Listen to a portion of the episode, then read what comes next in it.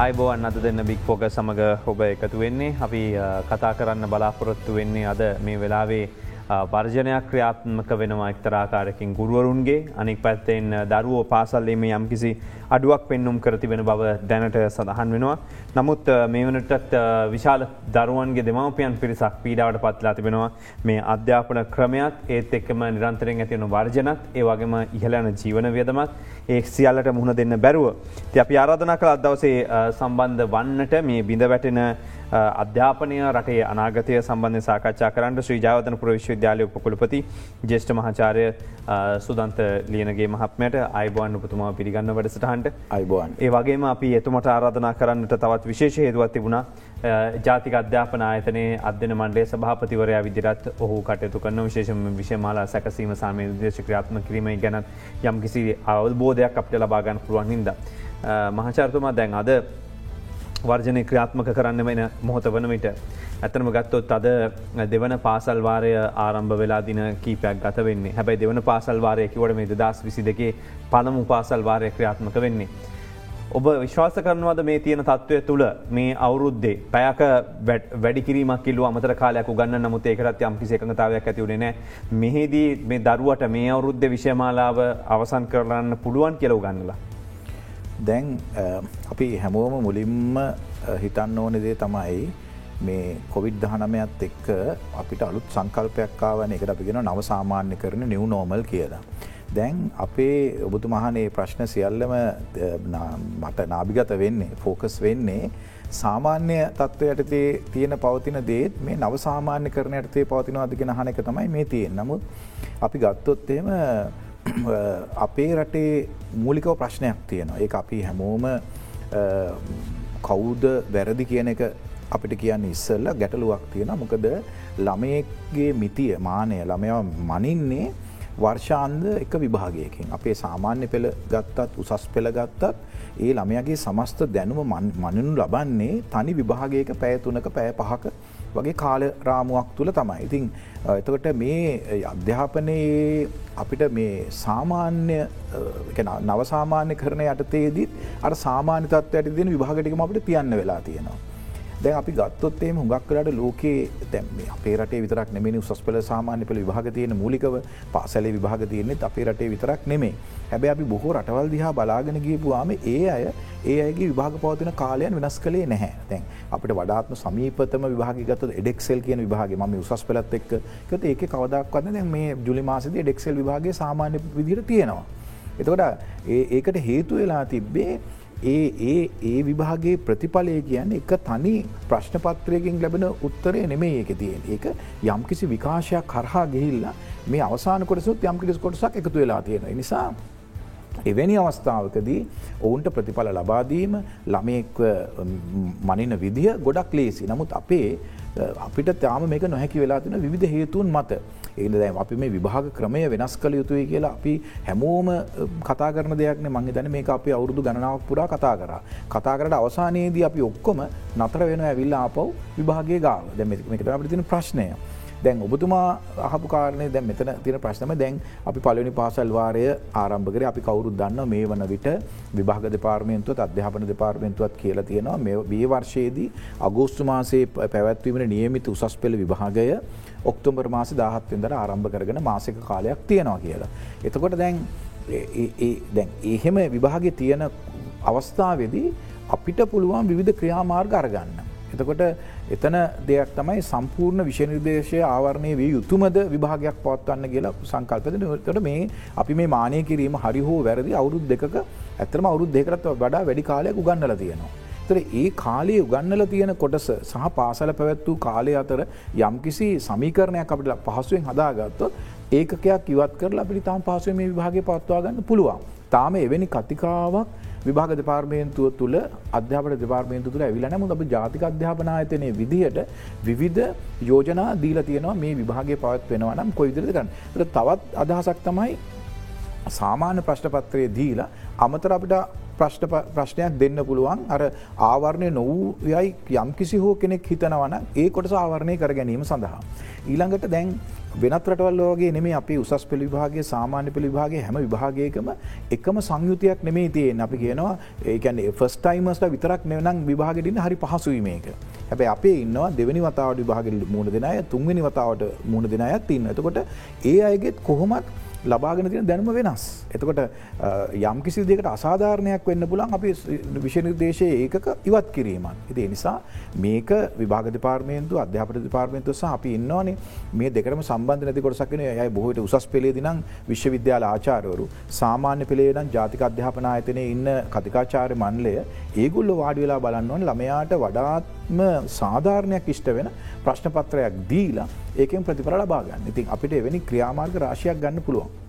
නමුත් මේ ඔක්කොම ගන්නත් ඉස්සල්ලා දරුවන්ට අධ්‍යාපනය ලබාදීම කියනක වැදගත්වනවා. ඔන්ලයින් අධ්‍යාපනය වගේ ගත්තෝතින් කිව්වට මේක සාර්ථක වුණේ නෑ කියනක අපි පිළිගන්න වෙනවා. මොකද මේක සීයට සීයක් සාර්ථක නොවන අඩුගන සීර හැටකවත් සාර්ථකත්වයට යන්න තිබුණ. නමුත් ප්‍රශ්නගත තත්වයන් දැන් එන්න වැඩි වෙලා තින එතකොට ද මේ අභියස මේ වර්ජනයක් ක්‍රියාත්මක වීම වගේ දෙයක් එක්ක දරුවන්ට බලපෑමක් එල්ල උනෝතින් එක අද දවස විතරන්න මේ ම කියැන් දැන් කාලයක් තිසගුරුට විරෝත්තා දැක්වා ඉන් පස්සේ දැන් අද අපකත්තොත් අධ්‍යාපන මාත්‍යංශයේ ලේකම්තුමා කියලා තියෙනවා බිලියන තිස්තුනක් ඒගොල්ලු වෙනුවෙන් දීල තමයි අදත් මේ වර්ජනයට යන්න කියල මේ අසාධාරණය කියලා. ඔබ මොකක්ද හිතන්න මේ ගැන. නෑ මේ යම් කිසි දැන් අපේ රටේ අපේ වගේ රටක වෘතිය සමිත් තියනවා. ඒ වෘතිය සමිතිවල තියෙන වෘතීමේ අර්ගලයන් සාධාරණ සාධාරණය කියන එක ගැන කියන්න අපිට හරි අමාරුයි. එක සමහරේවා සාධාරණ වෙන්න පුළුවන් සමහරේවා සාධාරණ වෙන්න පුළ හැබේ වෘතිය සමතියක් විදිට ඒ විවිධ ක්‍රියාමාර්ගන්න අපි මේක විශ්වවිද්‍යාල පද්ධතියේ පාසැල් පද්ධතිය හැම තැනකම මේක දකිනවා. තර අද මම හිතන්න එක්දින වර්ජනයක් කරනවා. ඒ අයගේ විශේෂ ඉල්ලීමක් මත ඇත්ත මත් පිළිගන්න වැටු වර්ධකයක් යම් කිසි විදිකට ලැබිල තියෙන මනං ඇත්තර මේක වැඩියෙන් කැමති මේ අපි හැමෝම වරද්ද ගත්තා මේ ගුරුරුන්ට වැටු වැඩිවීමක් ලබා දුන්න ඇත්තර මේක නෙමේ ඇත්තර මිදුරනේ මේ ඇනමලිය එකක් තිබ ගොලන්ගේ වැටු වර්ධනය කිරීමති මේ බිසි පෙරා වැටු වාර්තාව තාම ඒ කාලිදරන එක ඒක තමයි මේ හරි ගැස්සු ඒක නිසා යම්කිසි වැටු වැඩීමක් එන්න ඇති නමුත් ඉතින් වැටු වැඩිවීමක් දුන්න පමණින් කාටට කියන ෘතිය සමති ක්‍රියාමාර්ග ඔක්කොම නතර කරන්න කියලා ම පෞද්ගලික විශ්වාස කරන එක එසේම නොවිය යුතුයි කලති ඒයට ෘති අර්ගලයක් කරන්න අදහසන හැබැයි අනි පැත්ත බලන්නක මෙහෙම. මම ඔබට තාමගෙන අපේ විශ්වවිද්‍යාල පද්ධතිය ගන්නක මේ විශ්වවිද්‍යාල ඉන්න කවුද වැඩියෙන්ම? වැඩියම ඉන්න ගුරුවරුන්ගේ දරුවෝ. එතකොට ඒ අය ඔබ මම විශ්වාස කරන්න මේක මේ සම්පූර්ණය විභාක් කඩා කප්පල් කරලා අධ්‍යාපනය සම්පූර්ණයම කඩා කප්පල්ල කරන්න වර්ජනයක් කළේ අය යම්කිසි ෘතිය සමති ක්‍රියාමාර්ගය ගන්නද ගොඩක් කලාට මේ අපෝ නැවතත් බොහවිට මේක සාමාන්‍ය තත්වයට හෙට ඉඳලා පැමිණෙනට ඕනේ. මොකද මේක මේ තමන්ගේ පාසලේන දරුවට විතරක් නෙමේ තමන්ගේ දරුවන්ටත් එහෙමුණොත් එහෙම යම්කිසි ප්‍රශ්නයක් එනොත්කු දැන් චතුර අපේ රටේ මූලික ප්‍රශ්නයක් තින මේ අපි දැන් ගොඩක් කාලිදක් දිගටම කියන දෙයක් තමයි අපේ රටේ උසස් පෙළ ශිෂ්‍යයාත් වැඩු මහල් ළමයෙක් එන්නේ අපිට. විශ්වවිද්‍යාල ශිෂ්‍යය හොඳටම නාකී වයස් ගතයි. අපේ ශිෂ්‍යයෝ. අපේ සාමාන්‍යෙන් විශ්වවිද්‍යාල පිටට විශ්වවිද්‍යාලයක් ගේපවා විශ්වවිද්‍යාලයාගේ ජීවිත සමය ආරම්භ කරන්න ටීනේජගේදී යුනිසිටිස් ෝ ටීනේජස් කල අපි කියන්නේ අඩුම ගාන අවුදු දහ අටේදී දහනමේදයා විශ්වවිද්‍යාලය ඇතුළ ඉන්න ඕන අපේ සාමාන්‍ය ළමෙක් කෙන්නේ අවුරුදු විසි එකේදී එතදත් යම්කිසි කාලයකන ඒ කාලය ඇතුළත් අරගල්ල මේ සිරුදරෙන් පිගිහිල්ල අද විසි පහ පැන්ලා තමයි අපේ ළමයෙක් එයාගේ උපාදිය ගන්නේ. ඉතින් අපි ඔක්කොම් වාඩිලා මුලින්ම කරන්න ඕන අපි දිගට මේ සම්බන්ධය කරුණු කියලා කියලා තියෙනවා. ගොඩක්ලට අපි ඒ සම්බන්ධ ඇතරම ක්‍රියාමාර්ගත් අරගත නමුත් මේ කොවිඩ් දහනමයත් එක්ක අපිට ගොඩක් ප්‍රශ්න ඇති වුණ. අපිට අවශ්‍ය වෙලා තිබේ ලාබාල උසස් පෙළ ළමේ කදාගෙන අවුරුදු දහටේ අවුරුදු එකහා මාරකම කාලයක් යන්නේ දරුවට විශ්වවිද්‍යාල ප්‍රවේශය ලබා ගැනීම සඳහා දැන් මේක අවුරුද්දට අඩු කරනවා කියලා කිව්වා මේ ආණ්ඩුවම පස්සේ ඒක අඩු කරගත්තා. එතකොට තවම අවුරුද්දෙන් හරි විශ්වාසනීයත්වයෙන් යුතුව කියන්න පුළුවන් දරුවා විශ්වවිද්‍යාලයට එනවා කියලා දැන්. නෑ දැන් මෙහෙමනේ උනේ එතන එතන ඒ ගත වෙලා තිබ්බ කාලේ අඩු කරගත්තට අවසානයේදී ආයෙත් මතු පිටට පේන්නේ නෑ. දැන් උදාහරණයක් විදිහට නම් දැන් ඔන්න අපි මේ අවුරුද්දේ ගිය අවුරුද්දේ අගෝස්තු මාසේ තියන්න ඕනේ උසස් පෙළ දැන් පවත්වන්නේ අපි මේ ගිය අවුරුද්දේ අගෝස්තු මේ අවුරුද්දේ පෙබරවාරි මාසේ. දැන් තමයි අපි ඔන්න මාකින් කරගෙන යන්න ප්‍රශ්නපත්තර බලන්නේ. සමහරයවල තියන්න ඕන ප්‍රායක පරීක්ෂණ. දැනට අපට ලොකු ප්‍රශ්නයක් ඇල දින ප්‍රායක පරීක්ෂණ සොයාගන්න දින ප්‍රශ්නයක් ඇවිල දිනවා. තර අපි විශ්වාස කරාටේ සම්බන්ධ ක්‍රියාමාර්ගරගත්තට මේ කොවිද්ධහනමය සහ වෙනත් විධ හේතුන් මත ආයත් අර පොඩි ඩිලේ එකක් ඇවිලද නමුත් අපිට හැකියාවක් වෙලා තියෙනවා ග්‍රාන්් කමිෂන් එක ලෙවල ප්‍රතිපාදන කොමිසමේ මට්ටමෙන් යන කාලය සෑහන්දුරට අඩු කරගන්න. ඒ අපි මූලික වශයෙන්ම කරේ මෙච්චර කාලයක් අපි ළමයින්ගේ තේරීම් සිදු කරේ අපේකන රීකරක්ෂණට පස්සේ මෙදාගන අපගේ ඇඩ්වාන්ස් කරලා මහිතන දැම් මේ වෙනකොට විශ්වවිද්‍යාල බොහෝමයකට ළම ඇතුළත් කරගෙන අවසන් වෙලා තියෙනවා. හැබැයි මම ඔය කියන්නේ දෙදස් විස්ස උසස් පෙළ කරපු ළමයි සම්බන්ධයෙන් ඔය මම මේ කියන්න. උදාහරණයක් විදිහට දැම් මේ විශ්වවිදා සිසුන් සම්බන්ධයෙන් ගත්තා. විශ්වවිද්‍යාල සිසුන්ගේ විශ්වවිද්‍යාල ප්‍රවේශය මේ පාර තමයි දැම් මේ හතලිස් දහසක සීමාවට එන්නේ. මෙතෙක් ඉතාමත් විශාල පිරිසක් වැඩි පුරගත්ත දේවගේ හතර ගුණයකට වැඩි පිරිසක් ප්‍රවේශයට සුසුකම් ලබලත් ඒ අයට අවස්ථාව නැතුව ඉන්නවා. දැ මේ පාර ඒ පිරිස ආවයන් පස්සේ විශ්වවිද්‍යාලවලට අවස්ථාවක් තිබුණද ඒ කළමනා කරනය කරන්න මොකද බොහ පිරිසක්ව පන්ති පටන් ගන්න නෑ ඌමනාවම කල්දාන විශේෂ මොබතුමල්ල මේක කල්දානෝ ඌමනාවෙන්ම තමයි මේක පැත්තක කළ තියන්ගන්න කියලා. නැදැන් අපේ මගේ අපේ විශ්වවිද්‍යාල තමයි ළමයි වැඩිම ප්‍රමාණයක් ඉගෙන ගන්න විශ්වවිද්‍යාලය භූමිය ප්‍රමාණය සහ අනිත්‍යව අතෑරියන්. දැන් අපේ විශ්වවිද්‍යාලය ගත්තොත් මගේ විද්‍යාපීටය සහ සමසෞඛ්‍ය පීටය හැර අනිත් සියලුම පීට ආරම්භ කරලා තියෙනවා. එතවට අපිට දැන් සමහරවස්ථාද අපි දැම් වෙන්දට බැචස් හතරයින අපි තියන අවුදු හතකට සමකට පස්සනි කණ්ඩායමත් මේ කණ්ඩායමත් එක්ක ගන්න වෙලා තියෙනවා. ඉතින් එනිසා මේ ප්‍රසාරණය වීමත් ඇත්තරම අපිට යම්කිසි බලපෑමක් ඇති වෙලා තිය නමුත් අපිට දැන් තමයි ඒ සඳහා මුදල් ලැබිලා අපි අවශ්‍ය දේවල් අපි හැබැ මේ ඉතා හොඳින් කල්මනා කරණය කරගෙන යනවා. ජයවදුරු විශ්වවිද්‍යාලය නම් සුවිශේෂී විදියට කිසිම පාටමාලාවක කාලය අඩු වෙලා නෑ අපි විභාග පැවැත්වීම සඳහා අනිවාර්යයෙන්ම ළමයින්ව දැන් ගොඩක් වෙලාට විශ්වවිද්‍යාලයට ගෙන්වන මේ දවස්වලත් විභාග පවතිනවා. අපි ආපහු 25 වෙනිදා අද ඉඳලා සමහර විභාග පටන් ගන්නවා. දෙවෙනිදා වෙනකොට ආයෙත් විභාග පටන් ගන්නවා. අරගෙන මේ ගිය අවුරුද්දේ අවුට් වෙන්න තිබ්බ ළමයින්ගේ අර තියෙනවා දැන් මාස පහක වගේ පමාවක් ඒ ඒ පමාව ඇතුළෙත් ඉඳගෙන අපි කොන්වොකේෂන් එකට දැන්ටම දින දාලා තියෙනවා. හැමදාම කොන්වොකේෂන් තියෙන අපේ සැප්තැම්බර් මාසේ. මේ අවුරුද්දේ අපි එක මාසයක් එහාට වෙලා ඔක්තෝබර් මාසේ කොන්වොකේෂන් එකක් පවත්වනවා. මම මේ අවුරුද්දේ කොන්වොකේෂන් දෙකක් කරා. දෙකක් කළා එයාට උපාසාධක මේක මගේ විශ්වවිද්‍යාලය විතරක් නෙමෙයි. හැම විශ්වවිද්‍යාලයක මේ කාරණය වුණා. නමුත් අන්තර් විශ්වවිද්‍යාල ශිෂ්‍ය බල මණ්ඩලය ඇතුළු විශ්වවිද්‍යාල ශිෂ්‍ය බල මණ්ඩල ගණනාම චෝදනා කර සිටියේ. දරුවන්ට විශ්වවිද්‍යාල වහලා තියෙන තාමත් කියලා. විශ්වවිද්‍යාල වහල තියෙනවා නම් මම ඒක ඒ අය කියන්නේ විශ්වවිද්‍යාලය වහල තියෙන ගැන සක්‍රීයව හැමලාමයෙක්ම එකම මොහොතකදී අර සාමාන්‍ය කරන යටතේදී දේශනවලට සහභාගී නොවීම වෙන්න ඕනේ. එසේ නොවන්නට සෑම් විශ්වවිද්‍යාලකම උපාද ප්‍රධානොත්සව තියලත් බෙනවා සෑම ඒකම අපි අලුතෙන් ළමයි බඳවා ගැනීම් කරලා තියෙනවා ඒ ක්‍රියාදාමය වෙනවා දැන් මෙතන අපිට ප්‍රශ්නයක් තියෙනවා මේ චතුර දැන් මම කියන්නේ ඒක දැන් අපිට ඇත්තටම අර්බුදයක් ඇති වුණානේ ඒක අපේ අර්බුදයක් ඇති වුණා අපි එස්දා ක්‍රියාමාර්ග ඔබ ඔබතුමත් දැන් කිව්වා මේ ඔන්ලයින් අධ්‍යාපනය අසාර්ථකයි කියලා. හැබැයි විශ්වවිද්‍යාල මට්ටමේදී පාසල් මට්ටමට වඩා ඒක යම් තාක් දුරට සාර්ථකයි. ඒකට විවිධ හේතු තියෙනවා. මේ මම කියන්නේ සියට සියක් සාර්ථකයි කියලා අඩුම තරමේ සියට ඔබතුමාගේ වගේ හැට වඩා සාර්ථකයි. ඒ නිසා අපිට මේ විශ අනිතක දැන් සාමාන්‍ය පාසල් ළමයෙක්ට වඩා වෙනස් විදිහට අපිට මේ කාර්යය කරන්නත් පුළුවන්. ඒ නිසා අපි ඒ අයගේ දැන් අපේ මේක අපේ රටේ අධ්‍යාපනයේ ප්‍රශ්නයක්නේ.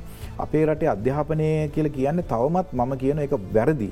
කටෙන්ට් එක තමයි අපි අධ්‍යාපනය කළ කියන්නේ ඔයාට ඔබතුමාට දෙන තේරි ප්‍රමාණය තමයි අපි අධ්‍යාපනය කළ කියන්නේ මේ තේරි කියන එක අපි උගන්නන්න ඕන්නෑ මේ තරම් විශාල මුදලක් මට වැටුපත්දීල උගන්නන්න ඕන්නෑ කටෙන්ට් එක අද YouTube එක ඇතුළේ හැම තැනකම ඉන්ටනෙට් එක හැම තැනකම තියෙනවා. එතට අපි දැන් අනිත් ලෝක රටවල් උනේ මොකක්ද කටෙන්ට් එක ළමයින්ට පාඩන් කරගෙන එන්න කියලා පන්තිකාමරයේ සාකච්ඡා කර ඒක ප්‍රායෝගික දිගහැරුම. අපි තාම එහෙම එකක් අපි කරන්න අපි තාම මේ චෝකැන් බෝඩ් එකන චෝක කෑල්ලක් අතරගෙන බෝඩ් එක උගන්නන එක තමයි අපි විශ්වාස කරන අධ්‍යාපනය කළ එක අපේ ළමයිනුත් විශ්වාස කරන අපේ දෙමවපියුත් විශ්වාස කරන. ඉති අපිට මේ ඒ අයගේ තියෙන මේ මේ මනස්ස වෙනස් කරගන්න. අන්තික මේ ඉතාම නරක දෙයක් මම දන්න මාතක මේක විරුද්ධ වැැබ මං හැමදාම කියන මේ අපේ රටේ තියෙන සියට අසුවක් පැමිණීම බලන්න ඕනෙ කර ළමයිගේ පන්තිකාම්බරේ. මට තවම තේරෙන්නේ ඇයි අපි සියට අසුවක් ඒගේ පැමිණීම් බලන්නක අපි ගන්නන්න කටෙන්ට් එක නං අපි උගන්නන්නේ නොලෙජ් එක නං අපි නොලෙජ් එක යෙදීම උගන්නනවා අඩුනම් මම විශ්වාස කරන්න ප්‍රායක පන්තිවල යාගේ සිට අසුව ඕනේ. හැබැයි සිද්ධාන්ත පන්තිවල එහෙම අවශ්‍යතාවයක් නෑ ඒ මම අද කතා කරනවට වඩා හොඳ දේශකයන්ගේ කොටස් තියෙනවා. YouTube එකේ ඉන්ටනෙට් එකේ ඉතින් දැන් අපි දැක්කොත් මොට විශවිද්‍යල ෆුල් ටක් කෝසක මන්දක පහුගි තවසල ඔන්ලයින් කල තිබ ඕන කෙනෙකුට මේක ගිහිල්ලා පිට ඉන්ල ගෙනගන්න පුළුවන්. එතකොට ඇයි විශ්වවිද්‍යාල පද්ධතිය තුළ තියෙන මේ විවාහගවලට පිටින් කෙනෙකුට ඉගෙනගෙන ඒ සඳහ සහභාග වෙලා සහතික පත්‍රය ලබාගන්න පුළුවන් ක්‍රමයක් ඔබතුමා විවෘත අදහසක් කියපු හිද ම ඒකට එකතුගන්න ඇයිහම ගන්න ක්‍රමයක් හදන්න එහෙම ගන්න බෑ කියලා නියාමනයක් නෑ නමුත් අපේ අපිට තියෙනවා ප්‍රශ්නයක් තියෙනවන අපේ තමයි රොබතුමා මුලින්ම කිව්ව එක. එක් ලක්ෂ හැටදහක් විතර සමත්ත අපිතු එකයි විස්සයි කියලා අපේ වාසියට එකයි විස්සක් සහභාගල අපි ගන්න තිස්දාහන දැන්ගේ අවරුද හතිස් දහක් නම් ගත්තේ. එතකොට තව අසූදහක් ඉන්නවනං වෙළඳ පොලේ මේ ස්තුන සාමාර්ථ තියෙන. ඒ අයව නොසලකා හැරලා වෙනත් පැත්තකින් අපි ඕකට කියනවා වැඩිමහල් ළමයි බඳවා ගැනීමේ ක්‍රමවේදකට යන්න තරම් අපිට අපේ සීටස් ප්‍රමාණය අඩුයි විශ්වවිද්‍යාලය ඇතුළේ. එකතම අප මූලික ප්‍රශ්න තිනමකද මේ ඒකෙන් හැබැයි අපි දැන් හුගක්ලාට දැන් අපේ විශ්වවිද්‍යාල පද්ධතියම ඩිප්ලෝම උසස් ඩිප්ලෝම මේ වගේවත් දැන් ආරම්භ කල දෙනකෙද ඕනම කෙනෙට ඉතා සුළු මුදලක් ගෙවල ඒ ඩිප්ලෝම උසස් ඩිප්ලෝමසා බාහිරුපාදි ලබාගන්න පුළුවන් අපි ඒවලත් තත්වය වෙනස් කරලා තියෙනවා. දැන් ඔය මම මේ ඔය ඔබතුමාල හැමෝමකට මේ හතලිස් දහයි ගන්න ගෙන ඔහු ඇත්තේ හතරිස් දහ ගන්නේ අපේ මේ විශ්වවිද්‍යාල පද්ධතියට හැබැයි ඔය හැම විශ්වවිද්‍යාලයකම් දැම් ඔය ඔය ලෙෆ්ටෝවර එක ඔය ඔයකෙන අසුදහක් විතරගේ අතෑරණගේ වැඩි කොටසක් ඉන්න කලාංශයේ. ඊට පස්සේ අඩු කොටසක් තමයි වානිජින තාම අඩු කොටසක්තම විද්‍යාංශයන්න ඇත්ත කතාවෝකයි. ඉතින් ඒ අයගෙන් කී දෙනෙක් ඇත්තරම සම්බන්ධ වෙනවද බිට් උපාධි පාටමාලාව මොරටුව සහ කොළඹ විශ්වවිද්‍යාලය තියෙන කීදනෙක් අපේ බාහිරුපාදිවලට සම්බන්ධයනද මේ මේ බාහිරුපාදී බිට් එකයි ගණන් හදල බැලපුවාම මේක ආසන්න වශයෙන් දැන් අසුදහක් අනුදහක් ඉක්මවා ගිහිල්ල තියෙනවා. මීට අමතරව ස්ලේට් කියලා ආයතනයක් තියෙන ඒකට විසිදහක් තිස් දහක් යන ඉටස් නොන් ස්ටේට් සෙක්ට යුනිසිටස් තියෙන එකට යම්කිසි මුදලක් ගෙවල ගන්න ඉතින් එහෙම ගණන් හදල බැලුවොත් මගේ විශ්වාසය අපි මේ තිස්දා කතරිස් දහක් කියල විශ්වවිද්‍යාලයට ලගු කරාට අවුරුද්ධකදී අවම වශයෙන් උසස් අධ්‍යාපනය සඳහා ළම යොමු වෙන ලක්ෂයකට වැඩිය. ඒ ගොඩක් පාටමාලා නොමිලේ. දැන් අපේ බාහිර සාමාන්‍ය කියන්නේ සරසවී උපද්ධාරී සහ සියල්ල ගන්නකොට වාර්ෂිකව එක් ලක්ෂ සූදහක් විතර වෙනවා කිය එක්ලක්ෂ විසිදහක්වත් වෙනවා. ඩිප්ලෝම හය ඩිප්ලෝමාස උපාදිගෙන තුන් ගොලම අපි ඒක ගණනය කිරීමක් දම අපි මේක මේ දවසල මඇතරම යුජසියගේ සභහපත්තුමත් එක්කත් කතා කරලක කරුණා කරලා මේ සංඛ්‍යා දත්ත ටික රටට දෙන්න. කී දෙනෙක්ට බාහිරුපාදි දෙනවද. කී දෙනෙක්ට බිට්කට සම්බන්ධ වෙලා ඉද මේ හැමකින්ම කරන්න අධ්‍යාපනය ද අපේ බාහිරුපාදයක් වගේ ගත්තා රුපියල් අසූදහයි ලක්ෂයයි උපාදක මිල තීරණය වෙලා තින ඒවගේ තාමත්ම අඩු ගණන හැබැයි ඒ නොන්ස්ටේට් එක ඒහා සමාන උපාදිය ලක්ෂ විස්සක් පහලෝකටත් හොඳ ළමයි ප්‍රමාණයක් එතන සම්බන්ධ වෙනවා. ඇති එකන ගෙන මේ රටේ මේටික මම කියන්නේ මේක ඇත්තරම ප්‍රතිපාදන කොමිසම් සභා විසින් කරන්න ඕන. මේ දත්ත ටික ගොනු කරලා එකතු කරලා එක තැනකට ගේනවනම් මංහිතන මීට වඩා අපේ රටේ ළමයින්ට ඔපචුනිටිස් මංගකින් කියන්නේ මේ විශ්වවිද්‍යාලය පුළුල් කරන්න එපාගෙනකට මම කියන්න. මම කියන්න අපි නොදකින්න තව කොටසක් මේකට එකතු වෙනවා. ඒ අය සුළු මුදලක් ගෙවීමක් කරන්න ඕන ඇති මොකද විශ්වවිද්‍යාල තමයි සියට සීයක්ම නිදහස් වෙන එක. කිසිම අපි ගන්න නෑ. නිදහස රන්න මේ අපි තාමත්ම අඩුමුල මුදලකට උන්ට ආහර සපයනවා. රුපියල් විස්සක් තියක රුපියල් පනාහක වගේ මුදලට කාමරයක් ලයිට් වතුර එක් නිකන් දෙනවා. ඉති ඒ වගේ ඉතාමත්ම විසා එක මම කියන්න එක මේ අති විශිෂ්ට තත්වයක් ලැබේ ළමෙක්ට සාමාන්‍යයෙන් කළමනා කරණය කරගන්න පුළුවන් මට්ටමක අධ්‍යාපනයක් අපේ කරන. ති මේ අවසානයේදී බදුමුදල් තමයි අපිට එන්නේ. ඉතින් මේක අපි හිතන තරම්ම නර්කතත්වයක නෙමේ තියෙන්නේ. මේක අම්මයිත තව මත් විශවාස කන තව විශ්වවිද්‍යාල එකතුවීම හොඳයි හැබැ අපි විශ්වවිද්‍යාල එකතු කරන එකතු කරන යනකොට ශිෂ්සංකයා වැඩි වෙනකොට මේ අයට ගන්නන්න හොඳ ගුරුවරු ඉන්න ඕනේ මොකද අපේ කොහොමත් කියනවනේ මේ කොලිට ඩියුකේෂන් කියල එකක්. කොලිට ඩියුකේෂන එක දෙන්න අපිට තියෙන්නවනේ හොඳ හමන් රිසෝසස් ගොඩා දැ දැ ම ගැන එතනත් පොඩි වැඩ පිළිවෙලේ ප්‍රශ්නයක් තින අපි එකත් දැම් ප්‍රතිපාදන කොමසමට කියන්නේ. දැනට දෙන්න කලාංශයේ උපාධාරන්ට පමණයි. ඉහල උසස් අධ්‍යාපනය සඳහා ඒ අත්වල් දෙන්න. ඒවිතරන්න මේ අපිට විශේෂම අයිට ශේත්‍රයට මන විශවාස කරන තුන් හාරසීයක්ම පේෂ්ටි උපාධාරී එකවර හදන්න ඕක මේක මලේෂයාව කර. මලේෂයා දියුණු හෙමයි එකවර පිෂ්ටි දහසකට විධ ස්ථානවලට ලම් ගෙන්නල මානව සම්පත වර්ධනය කරලා විශ්වවිද්‍යාලවලට අතාරපුවාම තමන්ට උගන්නන්න ගුරුවර ඉන්න ඕනිතින් ප්‍රසාරණයත් එක් අපි හිම රිසෝස් ඩිවලප්මන් ගැන ලොකු ප්ලෑන් එකක් මිට තිබියුතිකම විශවාසක දැන් අවුරදු ගානක් තිස්සේ අපි කොච්චර කිව්වත් අපේ එකම විශ්වවිද්‍යාලයක්වත් ලෝක හොඳම විශ්වවිද්‍යාල දහසාතරේ නෑ. තොර ගත්තොත් පෙරාධනය තියෙන්නේ ලංකාවෙන් අංක එක කියලකිවට ලෝකේ එදා සටසි අනු පහට කොළඹ අංක දෙක වුණට ලෝක දෙදස් එකසිය දොලහට වගේ මොරටුව ලංකාව අංකතුන ලෝක දස් එකසිය අසුවටට වගේ. එතකොට මොනදේකිවත් විශ්වවිද්‍යාලවල ඔබතුමක්ව මේ ගුරුහිගේ ගුරු ප්‍රශ්න හිම තියනවා කියලා එකන අපේ අධ්‍යාපනය හොඳ නෑ කියන කනෙ නෑ. ඔය දැන් ඔය ඔය ශ්‍රේණිගත කිරීම් කිරීමේදී නිකම්ම ශ්‍රේණිගත කිරීම වෙන්න ඒ සඳහා ලකුණු සම්මුතිකට තමයි ශ්‍රේණිගත කිරීම් කරන්නේ. එතට අපේ රටේ මූලිකම ප්‍රශ්නයක් තියෙනවා අපිට ඔය දාහතරට එන්න ඉතාම අමාරු. පලින් ප්‍රශ්නමයි අපින ඩයිවසිටි ඩයිවසිටි ගැන විධත්වය විශ්වවිද්‍යාලයක් ඇතුළේ විධත්වයක් තියෙන්නවා. අපේ රටේ මේ විශ්වවිද්‍යාලතුරේ ඩයිවසිටික ගන්න බෑ. ගන්න බැරි හේතුව තමයි අපිට මේ ළමයි ලැබෙන්නේ අපිට ඔක්කොම ප්‍රතිපාදන කොමිසම් සභාවෙන් විතරමයි. මීට අමතර ආයත් ප්‍රතිපාදන කොමිසම් සභාවෙන් කියන සියට පහක් අපිට අමතර ශිෂ්‍යයන් බඳවාගන්න පුළුවන් ඒ ඒ පාටමාලාවලට තින ඉල්ලුම මත. ඒ ඒ අනුව තමයි අපිට අන්තර්ජාතික ශිෂ්‍යෝ එන්නේ ඒ එන්න ඉතින් උපරීම සීමාව සියට පහයි. උපරීම ගාන. හැබැයි ඔබ යන්න වෙනත් ලෝකයේ තියෙන ඕනෙම විශ්වවිද්‍යාලකට යන්න ඔය හොඳයි සම්මත දාහතා දාහ දෙදහතර තියෙන විශ්වවිද්‍යාලවල කොයි තරම් විධත්වයක් තියෙනවාද. තැ මම ඉංගලන්ත විශ්වවිද්‍යාලවල ඉගෙන කාඩි විශ්වවිද්‍යාලය හිටිය ටස මම ඇඩිලේඩ් විශ්වවිද්‍යාලය වැඩ කරලා තියෙනවා මම ජපානය විශ්වවිද්‍යාලවල ඉඳල තියෙන මේ හැමකම අපිට වැඩිහරයක් කම්බෙන ඉන්ටර්නශනල් සුඩන්ස්ලා කියලා. අපේ රටේ ඉන්ටර්නශනල් සුඩන්ස්ලා නෑ එතට අපිට අපේ මේ විශ්වවිද්‍යාල දාහතක් අද වෙන තුර තියෙනවා. International presence of international students කියන එක ගත්තාම ඒක ඔල්මෝස් බින්දුව එතකට අපිට අපිදම මේක තියෙනක ලකුණු සම්මුතිය අවස්ථා දහයක් දහයෙන් එක කොටසකට ලකුණු බින්දුවයි. ඉට පස්සේ ආයත් බලන්න ඔබ බලන්න දැම් ම අපිට ගෙන සැබිටිකල් කෙලෙක් අපිට දීල තියෙනවන. ඔබතුම දන්න ඇති. කියන්නේ සප්ත වාර්ෂික නිවාඩ සෑම අවුදු හතකට සැරයක්ම අපිට වසරක වැටුප් සහිත නිවාඩුවක් දෙන මොකද මේ නිවාඩු දෙන ගෙදර ඉන්න ළමයි බලන්න. ඒව කරන්න මේ ලෝකේ වෙනත් විශ්වවිද්‍යාලකට ගිල ඒව ගන්න. එතට අපි වෙන වෙනත් විශ්වවිද්‍යාලකට යනවා කියන්නේ ඉන්ටර්නශනල් කොමිනිටිය ඉන්ටර්නශනල් ලෙක්චරස්ලයි විශ්වවිද්‍යාලවල ගේල සැබිටිකල් ලී ඉන්නවා. පෝස් ඩොක්ටරල් පොසින්ස් කල අපි කියන්නේ. හැබැ අපේ විශ්වවිද්‍යාලට කවුදේ ඇවිල්ල පෝස් ඩොක්ටර් පොෂණ එකක් ගන්න ඉන්නේ. එහෙම මොකද ඩයිවසිට එකක් නැති තැනක ලෙක්චරස ඉතාම හම්බින් එක්කෙනෙ දෙන්න තුන්දෙන තෝරගන්න පෙතර අපිට ඒකනුත් ලැබෙන ලකුණු සංඛ්‍යාව බිඳුවයි. තර අපිට මේ සියෙන් සියෙන් එම පටන් ගන්න අපේ විශ්වවිද්‍යාල උදාහරනකට සියෙන් හැත්ත පහකින් වගේ ඉති ම විශ්වාස කරනද හැත්ත පහන් පටන් අරගෙන ඔයතන ඉන්නකත් එක්තරාදුකට හොඳයි. ඒකට මූලික හේතුලා දින ඔතන අපි එන්නේ අපේ PhD උපාධි ප්‍රමාණය ඉතාමත්ම ඉහලයි.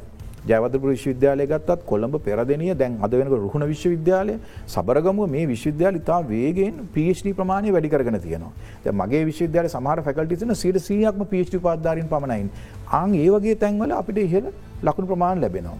ඊළඟට විසිබිලිටි කියන එක කියන්නේ අපි කොයිතරම් දුරට ළමයි එක්ක ගනුදෙනු කරනවද අන්තර්ජාලය හරහා වෙනත් ක්‍රම දැන් ඒවා අපේ රටේ ඉහළයි. ඒ නිසා තමයි අපිට එවැනි තත්වලින් අපි ලකුණු ලැබෙන හැබැයි සමහර තැන්වල අපිට ලකුණු ගන්න බෑ. අපි කොයිතරම් මුදල් වියදම් කරලා උත්සාහ කරත් මම හිතන්නේ පළවෙනි දාහට එන්න පෙරදිනිය හෝ කොළඹ විශ්වවිද්‍යාලටත් තියෙන හැකියාව බොහෝදුරට දුර්ලබ එහෙම කරන්න නම් අපි සම්පූර්ණයෙන් අපේ මේ ශිෂ්‍ය ප්‍රජාවේ ඩයිවසිටිකක් නිර්මාණය කරන්න ඒක කරන්න හම්බු එන්නේ අපිට නිදහස් අධ්‍යාපනයක්ත් එක්ක. ඒක කරන එක වැරදි අනි පැතර මට මේ ළඟදික මහත්මය කිව කතාවත් තමයි මාත් එක එකට ඉඳලා ඔස්ට්‍රේලියාවේ නැවතිච්චෙක් කෙනගේ දරුවට එන්න පුළුවන් ඉන්ටර්නශනල් සුලන් කෙනෙක් විදිට සල්ලි දීලා. ඒත යද ඔස්ට්‍රේලියාව පුරවසියෙක් නැබැයි මගේ දරුව ගෙදර ඉන්නවා ඒ දෙකයි බිය එකක් කරන යාට මෙඩිකල් කොලේජිකට යන්න විදිහක්න යා ලාංකික ශිෂ්‍යයක්කින්ද ඉතින් මම කියන්නේ ඇදැන් ඒ අපේම හිතෝතුන් අපේම ඇකඩමික් කොටස මෙහෙම දෙයක් කියන නිසා අපේ රටේ අපි එහෙම කිව්වට ලෝක ශ්‍රේණිගත කිරීමවලට යන්න පුළුවන් කියලා එහෙම එක පාටම අපිට එන්න අමාරුයි මේ රටේ තින අනිකුත් ප්‍රශ්නත් එක්ක. එතකොට දැන් උදාහරණයක් විදිට අපේ විශ්වවිද්‍යාල පද්ධතිය තුළ වෙනස්කීම් ගෙන්නේ නැත්තා.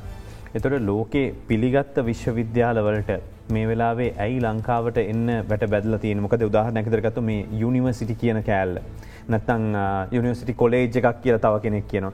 මේ හරි ගැටලුකාරි තත්වයන් අද විසි පන්දහක් විතර පිරිසක් විශ්වවිද්‍යාල අධ්‍යාපන ලබ ලංකාවෙන් එලියට යන. අදගේ අම්මට ලොක ප්‍රශ්නයම ඩොල ප්‍රශ්නතක ඩොලටික යවාගන්න බෑ යවත් දරුවගේ අධ්‍යාපනය හදර ලාබෙන් පසේ මෙහි ආපහු එක පිළිගැනීමට ලක්වෙන්නේ නෑ. ඉති අපි පහුගේ දවසල දැක් විශේෂෙන් බෙලරුස්වල ඉඳල මේ අදාළ රටවල් වල විතර විශාල පිරිසක් දරුව හාරදහ පන්දහක් විතර ගිහිල්ල වෛද්‍ය අධ්‍යාපන හදරනවා. එතනින් පටන්ගතම ඇයි මේ අපිට මේ කොටස වෙන එක වචනය වෙනස් කරන්න තියෙන්නේ? එක ඇලපිලි පාපිලි ස්පිරි මේ වගේ මේ වෙනස්කම් බලබල ඉන්න ඇයි තවදුරට මෙහෙමයි වෙන්න ඇත්තේ. දැන් අපේ විශ්වවිද්‍යාල පනතන දෙක්දා සම්සය හැත්තටේ හදන කාලෙදී මේ විශේෂයෙන් පෞද්ගලික විශ්වවිද්‍යාල කල දෙයක් අපේ රටේ ඒ වෙනකොට තිබෙනෑ එහෙම මාකට් එකක් අපේ රටේ තිබෙත් නෑ. හැත්තාත කාලය වගේ වෙනකොට. ඉතාම අඩු ප්‍රමාණයක් තිබ්බ. ඒ කාලි ගොඩක් වෙලාට වෙලා තිබේ හුඟක් රටවල් අපට ශිෂ්ත් ලබාදුන විශේෂම රුසියානු සමූහන්ඩි සිලු රටවල් අපට ශිෂ්ත් ලබා දුන්න. ඉට පස්සේ ඊට අමතර ෆුල් බ්‍රයිට් කන ස්කොලශිප් කොමන්නෙත් කොලශස් මේ වගේ හම්බුනා මේ හර ළමයි ගියා. නමුත් මේ අපි ගත්තාම මේ අපේ රටේ ජනගහන වර්ධනය වනේ නමසය හැත්තෑයෙන් පස්සනේ එතකට එහමන ඕදුම අර්ගන බලන්න ඩිමොග්‍රෆික් ඩේට එතකොට නමසේ හැත්තෑ පස්තම ජනගාන දෙගුණයක් වෙන්න. දැන් එතකොට ඒතට දෙගුණයක් කන එදා සමසේ අනු ගනන්වල මුල්භාගයේදී තමයි උසස් පෙර ළමයින්ගේ ප්‍රමාණය දෙගුණ වෙන්න. අන්න එදා හිදර තමයි දැන් ඉතාමත්ම සීමිත සීටස් ගානක් විශ්වවිද්‍යාල පද්ධතිය තියෙනකොට ඒ අයට ඔපචුනිටිකක් නැතිවෙනවා තමන්ගු උසස් අධ්‍යාපනයට යොමු කරන්න. ඒ අනුව තමයි ඇත්තනම පෞද්ගලික අපිකටගෙන රාජ්‍ය නොවන විශ්වවිද්‍යාල පද්ධතික අපි කියන රාජ්‍ය නොවන ආයතන ලංකාවේ බිවෙන්න පටන් ගත්තේ මේක මුල්ම ආයතන ඇතනම ස්ලිට් කියන ආයතන එක හැදුවේ දිවන්ගත ලලිත් ඇතුළත් මුදලි ඇමත්තුමා එතුමාගේ සංකල්පයක් අනුව එක අයිට සෙක්ට්‍ර එක විතරක් දියුණු කරන්න හදපු පෞද්ගලික රජයට අනුබද්ධ පෞද්ගලික ආයතනයක. ඒක මහිතන අද වෙනකොට අපේ විශ්වවිද්‍යාල දාහතත් එක්ක කරටකර තන කරන්න පුළන් මට්ටමේ තියෙනවා. ඒ වගේ ආයතන රාශියක් බිහිවෙලා තියෙන සමහර ආයතන හයක් ඇත්තලම තියෙනවා. විවිධ පනත් මගින් විශ්වවිද්‍යාල නාමේ පාවිච්චි කරන්න පුළුවන් ඒවා. හැබැ අපේ විශ්වවිද්‍යාල පනති කියල තියෙනවා මේ ප්‍රතිපාදන කොමිසම් සභාව යටතේ තියෙන ආයතනවලට තමයි විශ්වවිද්‍යාල නම තියෙන්නේ ගෙද දැ මෙතන මෙන්න මේකන මේ ගට්ටනය වෙලා තියෙන එතකොට විශ්වවිද්‍යාල නමක් හදල මේක ප්‍රතිපාදන කොමිසම යට දාන දාපුවාම යාගේ ඇඩමිෂන් එක් කරන්න ඕන සාමාන්‍ය ක්‍රමවේදය අනුව. ඉතින් මම අදරත් විශ්වාස කරන්න අපේ මේ ක්‍රමවේදයේ සෑහන ගැටලු තියෙනවා. ඒකම මොක දෙකට හේතුව මේක අවස්ථා තුනකට තමයි ළමයි තේරීම කරන්නේ. මෙරිට් එකට තෝරනවා දිස්ත්‍රික් බේසික් තෝරන අයිත් සිට පහක් තෝරනවා. ඉතාමත්ම අඩු අඩු දිස්ත්‍රික්ක කියලා අඩු අඩු අවස්ථාතින දිස්ත්‍රික ලැබැයි ඔප දැන්ගීල බලන්න දිස්ත්‍රික්ක විසි පහයි රටේ තියෙන දාසයක්ම තියෙන ඒ ඇතුළේ ගැන විධ දේශපාලන අවස්ථාවලද මේ මේ දිස්ත්‍රික් ප්‍රමාණය වැඩි කරන. මිනිසා දැඩි අසාධාරණයක් වෙලා තින සහර දිස්ත්‍රික්වල ළමයින්ට. ඉති නිසා මම විශ්වා මමත් මමත් ම නොන්ස්ටේට් සෙක්ට්‍රක ඉන්න දැන්ට මේ වෙනකට අපි ආයතන විසිතුනක් පිළියරගෙන තියෙන ඔබතුමා කියන කතා ඇත්ත. හැබයි ඒ ආයතනවලට දැවම විශ්වවිද්‍යාලයගෙන් නම දැන් ඔය සම්බන්ධ අපි සැක සාකච්ඡාවක් ගත්තාම සමහර අයගේ තියෙන විශ්වවිද්‍යාලයෙන් වෙන්න ඕන්නෑ ලන්ඩන් විශ්න ස්කූල් කිව්හම ඒක ලෝකයේ හැම කෙනෙක්ම දන්නවා මේක ඒ මට්ටමේ දෙයක් කෙලදේ නිසා විශ්වවිද්‍යාල නම අවශ්‍ය වෙන්න තමන් ඉතාමත් හොඳ කොලට ඩියුකේෂන කරන නන ඒක ළමයි ද ම දන්න ඔය ස්ට්‍රිට් ආයතනය එස්BM ආයතනය කේඩියකට තියෙන යුනිසිරි නම. ඒවගේ අයිට කියෙන ආයතන ඒවල ඉතා විශාල් ළමයි ප්‍රමාණයක්කින් දේ යම්කිසි ඉල්ලීමක් කල්ලත් තියෙනවා. හැබැයි එහෙම යුනිසිටි කෙන එක වෙනස් කරන්න අපිට යම් යම් සංශෝධන කරන්න සිද්ධ වෙනවා. ඉතින් මම හිතන්නේ දැන් ආණ්ඩුව සංශෝධනය කරනකොට මේ සම්බන්ධයෙන් වපරැසින් තමයි බලන්නේ මිනිස්සු. නිසා මතන සමාජය ද අද වගේ තත්වයක් මිනිසු කතා කරන්න පටන් ගත්තොත් මහිතන මේකත් එන්න මෝන එකක් දැන් මේ සාකච්ඡාවට පෞද්ගලික විශ්වවිද්‍යාල රටේ ඇති කරන්න ඕන කළ හඩක් ජනතාව නගනවන මතන කාටත් පහසු වේ මේක.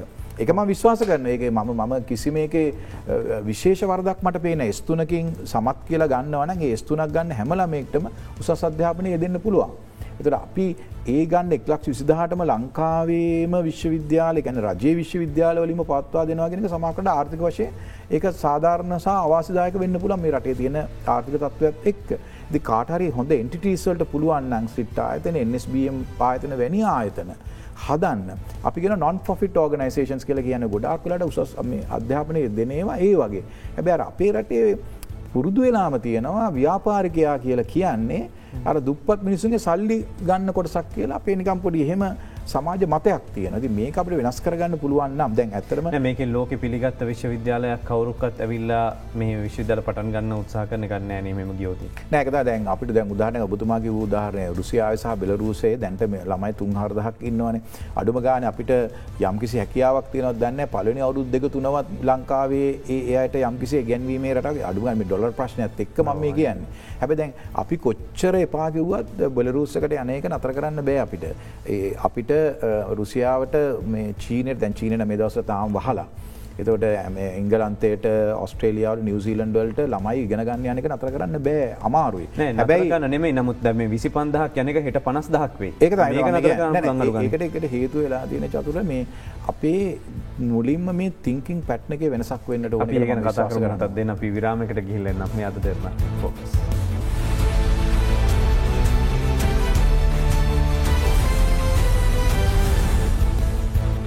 ඔයාලිත් අද දෙන්න සමග සම්බන්ධ වෙන්නේ බික් ෆෝකස්වල අපි අවධානය යොමු කල්ලා තියෙන්නේ මේ අවස්ථාවේ මේ රටේ දරුවෝ වගේ අධ්‍යාපනය සම්බන්ධය මොකද විශේෂම ඒකත් පැටනුත් ඊට පස්ස අපිට කරන්න දෙයක් නැතිවෙන ඉස්සරහට දැම් මේ තියෙන තත්ත්ව ඇත් එක්ක විශේෂම අපි කතා කරන්නේ මේ විශ්වවිද්‍යාල ශේෂත්‍රය තුළ පටන්ගන්න වෙනස්කම්.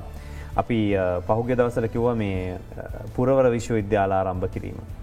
ඒවගේම දැන් තාමත් අපහු කතා බහත් ලක්න ලෝක අනිකුත් රටවල් ගත්තවතින් අපි ඉන්න වෙළඳ පොලත් එක්කනම පිරිස් සදාගෙන යන්නේ. අප විදෙස්කත ශ්‍රමිකයන් ද බිලියන හතදසම් පාකාදමක් ලබන්නේ. ඇයි මේ ශ්‍රමිකයෝ ශ්‍රමිකයෝ කියලා යට කියන්නේ මේ අපි පිලිපින වගේ ගත්තොත් ඒ යට පුහුණුව ලැබෙනවා. ඒවගේ වැඩි හිටියන් බලා ගැනීම සම්බන්ධ වෙනත් විදෙස්ටල පුහුණුව ලබා දෙනවා. අපි මේ කිසිම දෙයක් ගැන අවධානය යොමු කරන්නේ නෑ මේක විශ්වවිද්‍යාල යට පහලින් එවැනි පුහුණු ලබාදන ආයතන පිළිබඳව ඇයි මේ එන්විකව මටම ආතන ගැන අවධාන යමුවෙන් නැති රජේ? නෑ. එහෙම මම එහෙම කියන්න එන්විකව මට්ටම යටතේ ඉතාමත්ම විදිට මේක බල බලනවා. හැබැයි අපේ රටේ තියෙන ප්‍රශ්නයක්නේ අපි විශ්වාස කරන න්‍යායන්තියන දැන් ඔබතුමා ඉස්සල්ලගෙව්වා පා ජාතික පාසල් දහක් කදන්න ගියට අවසාන ජනප්‍රිය පාසල තමයි එන්නේ. එකට හේතුව තමයි අපි ඔක්කොම පාසලත් එක් තාම බද්ධ වෙලා ඉන්න. ද ම හැමතිස්සම උපාද ප්‍රධාන උත්සවේදී ළමයිට ගෙනත්තමයි ඔබේ පාසල මෙතරින් අවසානයි. ඔබ දැන් ඔබේ පාසල ජයවතපුර විශ්වවිද්‍යාලය පෙරදින විශ්වවිද්‍යාලය වෙන්න ඕනේ. ඔබ ඒ විශ්වවිද්‍යාල ආධ විද්‍යාර්ථයක් වෙන හැබ එහෙම නෙමේ ළමය උපාධ ප්‍රධානොත්සවට එන්නේ ඒ තමන්ගේ පාසල ටයික දාග විශේෂ පිරිනම ගැහලමට එම අපිට පෙන්න්න එහෙම පාසල මේ පෙන්න්න විදිහක් ගලට අමාරු බැයි හුඟක් පිරිවි ළමයි තමන්ගේ පාසලේ තියෙන ටයික දාගෙන ඒ තරම් බද්ධ වෙලා තියෙන ඉතින් මෙන්න මේ චින්තනය වෙනස් කරගන්න ඕනේ අපි ඔය හැමතනකට යන්න. දැන් ඔබතුමා කිව්වනේ දැන් කතාවක් අපේ එකම විශ්වවිද්‍යාලයක්වත් නෑනේ පලවෙනි දාහය. එතකොට ලෝක වෙනතැන්වල දාපව රෑංකින් වල තියෙනවා ඉහල තැන් තියෙන විශ්වවිද්‍ය තොට නිරන්තරයෙන්ම ළමෙක්ට පෙළඹෙනවා හොඳ විශ්වවිද්‍යාලකට යන්න. ඇයි අපේක එන්නෙත් නැත්ත හැබැයි කවුරුත් කියන්නේ න අපේක දාහ අපේක සමකට දාහ ඇතුළෙට වඩා අප එක දෙකතුන් හතර පහ තියෙන්න්න පුළුවන් විශ්වවිද්‍යාල ඇති. ඒ රෑංකිංවල් ලකුණු දෙන ක්‍රමේ අනුවයි මේක වෙලා තියෙන කිසි කෙනෙක් මේ මාධ්‍යයට විල කියන්නෙත්න කවරුත් මේකන කතා කරන්නෙත්න අපි පහල ඉන්න ගෙල් තමයි කියන්නේ. මේක ඇත්තටම අපේ ප්‍රතිපාදන කොමිසම් සභාව සහ විශ්වවිද්‍යාල උපලුතුරට යම්කිසි වගකීමක් තියෙන මේක ගන්න. හැබැයි අපිට එහෙම අර එහෙම අපි එහෙම පෙන්වයි කළ අපිට අමතර ප්‍රතිලාභයක් ලැබෙන්නේ නැහැ. මොකද හේතු අපේ විශ්වවිද්‍යාල ප්‍රසාරණය කරගන්න බැරිමට්ටම අපින්. ඉන්න ළමයින්ටත් ඉඩ දෙන්න බැරුව තව මේක ජනප්‍රිය වෙලා තව ළමයි ආපුවාම ගැටලුවක් වෙන නිසා මම මේක අපිට ක්‍රමයේ හුඟක් වෙනස්කම් කරන්න පුළුවන්. දැන් උදාහරණයකද අපිට තියෙන එක දෙයක් තමයි ඇයි ජයවතුරු විශ්වවිද්‍යාලට තව කැම්පස් එකක් දෙන්න බැරි වෙන ස්ථානයක. ඇයි පෙරදිනිය විශ්වවිද්‍යාලයට දෙන්න බැරි කොළඹ තියෙන කැම්පස් එක. යට වෙනම හදාගත දෙන්න ළමයි ඒ පුරවර විශ්වවිද්‍යාලයේ සංකල්පයාවත් ඒ වගේ එකක්. හැබැයි අපේ රටේ මිනිස්සු කැමති වෙන්නේ නිකම්ම නිකම් පුරවර විශ්වවිද්‍යාලයකින් උපාධියක් ගන්නවට ඒගොල්ලෝ ඉල්ලන්නේ බ්‍රෑන්ඩ් එකත් එක්ක මම දන්නවනේ ජයව දැන් ඔය අපේ කොළඹ විශ්වවිද්‍යාලගේ ළමෙක් කොහෙට වෙන විශ්වවිද්‍යාලයට මාරු කරන්න ආපුවාම ඒක තනිකරේ මුළු ගෙදරම මළගයක් බවට පත් වෙනවා.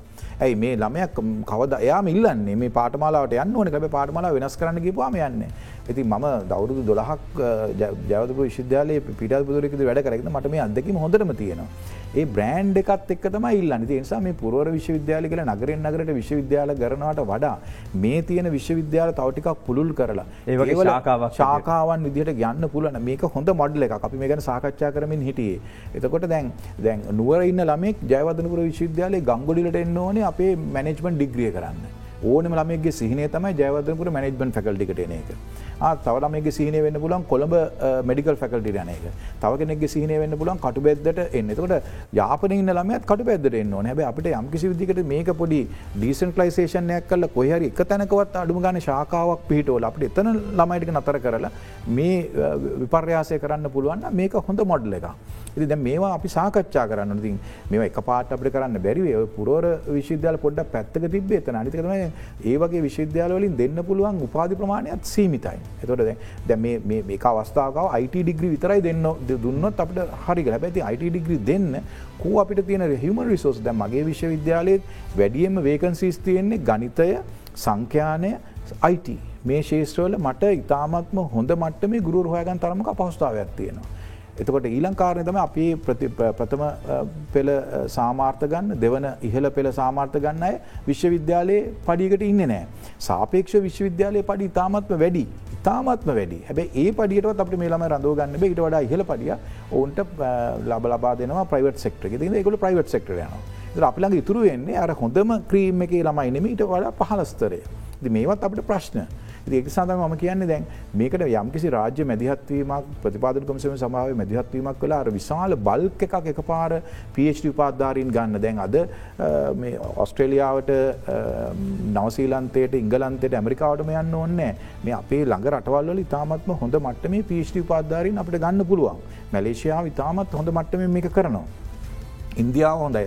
පකිස්ානත් සමහරංශී ඉතාමත් හොඳයි. ඉතින් එවැනි දෙයක් කරල මේ සම්පත පොඩ්ඩක් වැඩි කරගන්නත් ඕන. පුළුල් කිරීම ළමයි ප්‍රමාණයෙන් පුළුල් කිරීම විතරක්ම අසාර්ථක වේ මක අවසානයේදී අපිට මේ ගෝල්සල තියන එක කොලිට ඩියුකේෂන් කියල. එක ඉතාම වැදගත්.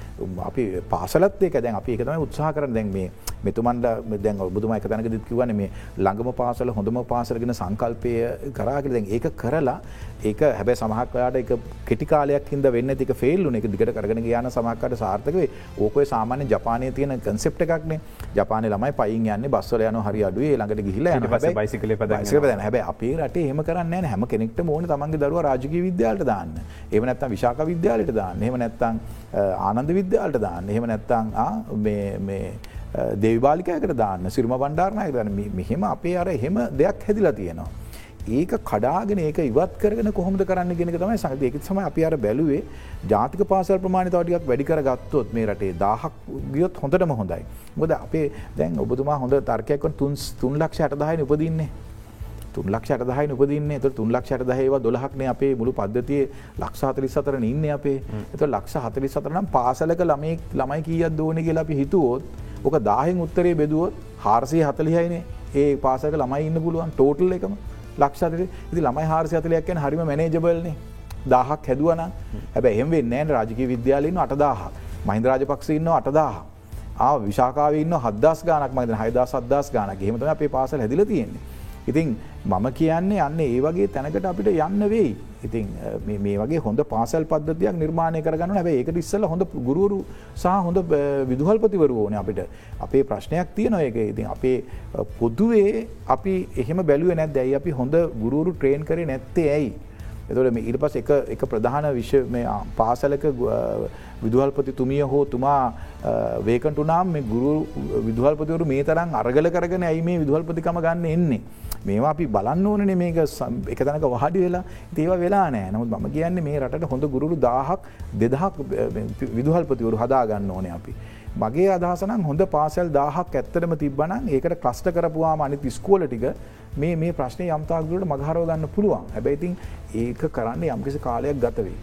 පාසල් හාරසියක් බලාපොරොත්තුවන් තැනකට පාසල් දහදාසක යනු අතරක් තියෙන කිවම ඒකනුත් අපේක්ෂිත ප්‍රතිඵල අරගෙන නැත්නම් මේ වගේ තියෙන ඉන්ෆස්ට්‍රක්ෂ හදන්න අනිකුත් හැම දෙයක්ම යටිතල පහසුකම් නිර්මාණය කරන්න කොච්චර වියදමත් දරලා තියන නමුත්තේ ප්‍රතිඵල තියෙනවද. ස්කෝ ඔක්කොට බෙද යන හැමවරුද්ධම බජට්කින් සල්ලි නමුත් වනට වැඩක් වෙලා තින අපි කතා කරමු තවදුරට ඇත්තේ ගැන මේ විරාමය නතුර.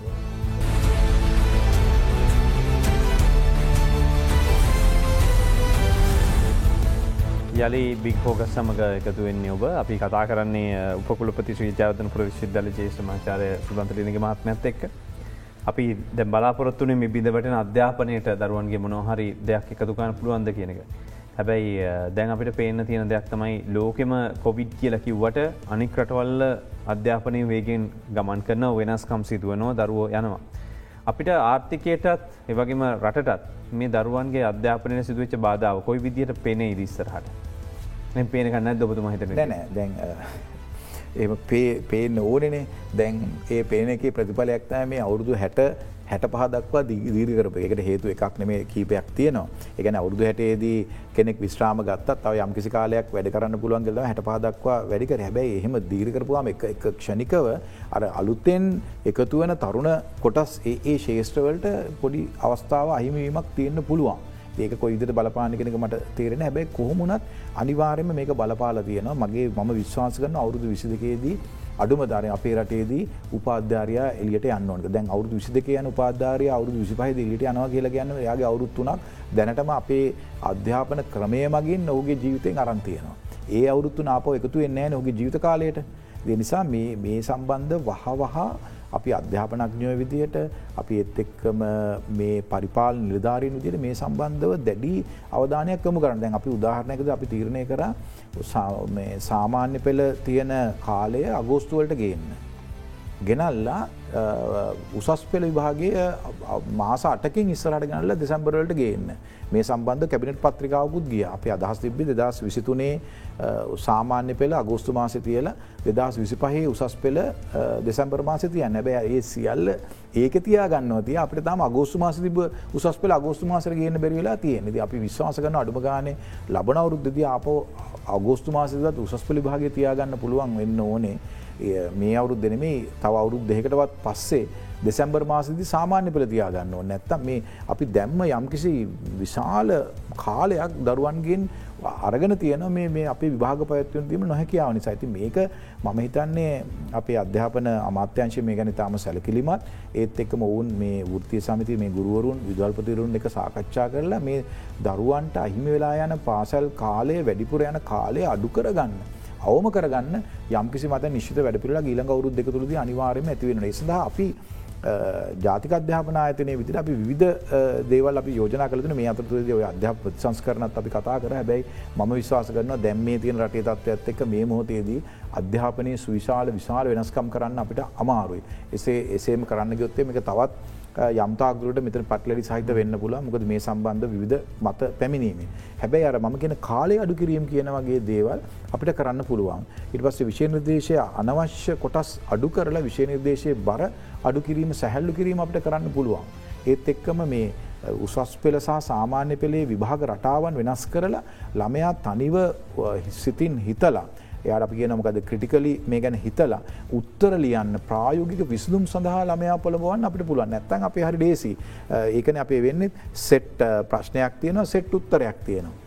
හරි ලේසිදම ප්‍රශ්නයට උත්තරයක්තම අපි සොයන් අපි මේ විසුදුම් සොයාගන්න ක්‍රමවේදයන් අපි අපිට ගැටලුවක් දීල ගැටලුවේ තින විසුදුම් රාශයක් තින එකින් හොඳම විසුදුම සොයන ක්‍රමයකට අපි තාම ගිල නැමුත් ම තාක්ෂණක විශේධාරාවේ බොහෝ ඔබ බලන්න ප්‍රශ්නපත්‍ර අරගෙන බොහෝ ඒවා අපි ළමයිම ගොුණු කරන්නේ. අන්න ඒ ඒතට එක යම්කිසි වෙනසක් සහිතව අපය නමුත් තවමත් මත් එතරම්ම සතුරු නෑ විද්‍යා ප්‍රශ්නපත්‍රවල තියෙන ප්‍රශ්න සම්බන්ධින් මේවා තව වෙනස් වෙන්නට ඕන.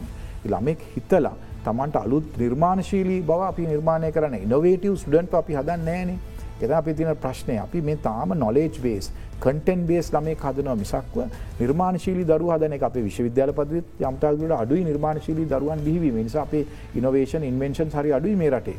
එතකොට විශ්වවිද්‍යාල පද්ධතිය තියෙන දැන් ගත්තෝතින් පුස්තකාල. ගත්තොත් හැම විශ්වවිද්‍යාලන් පුස්තකාල තියෙනවා.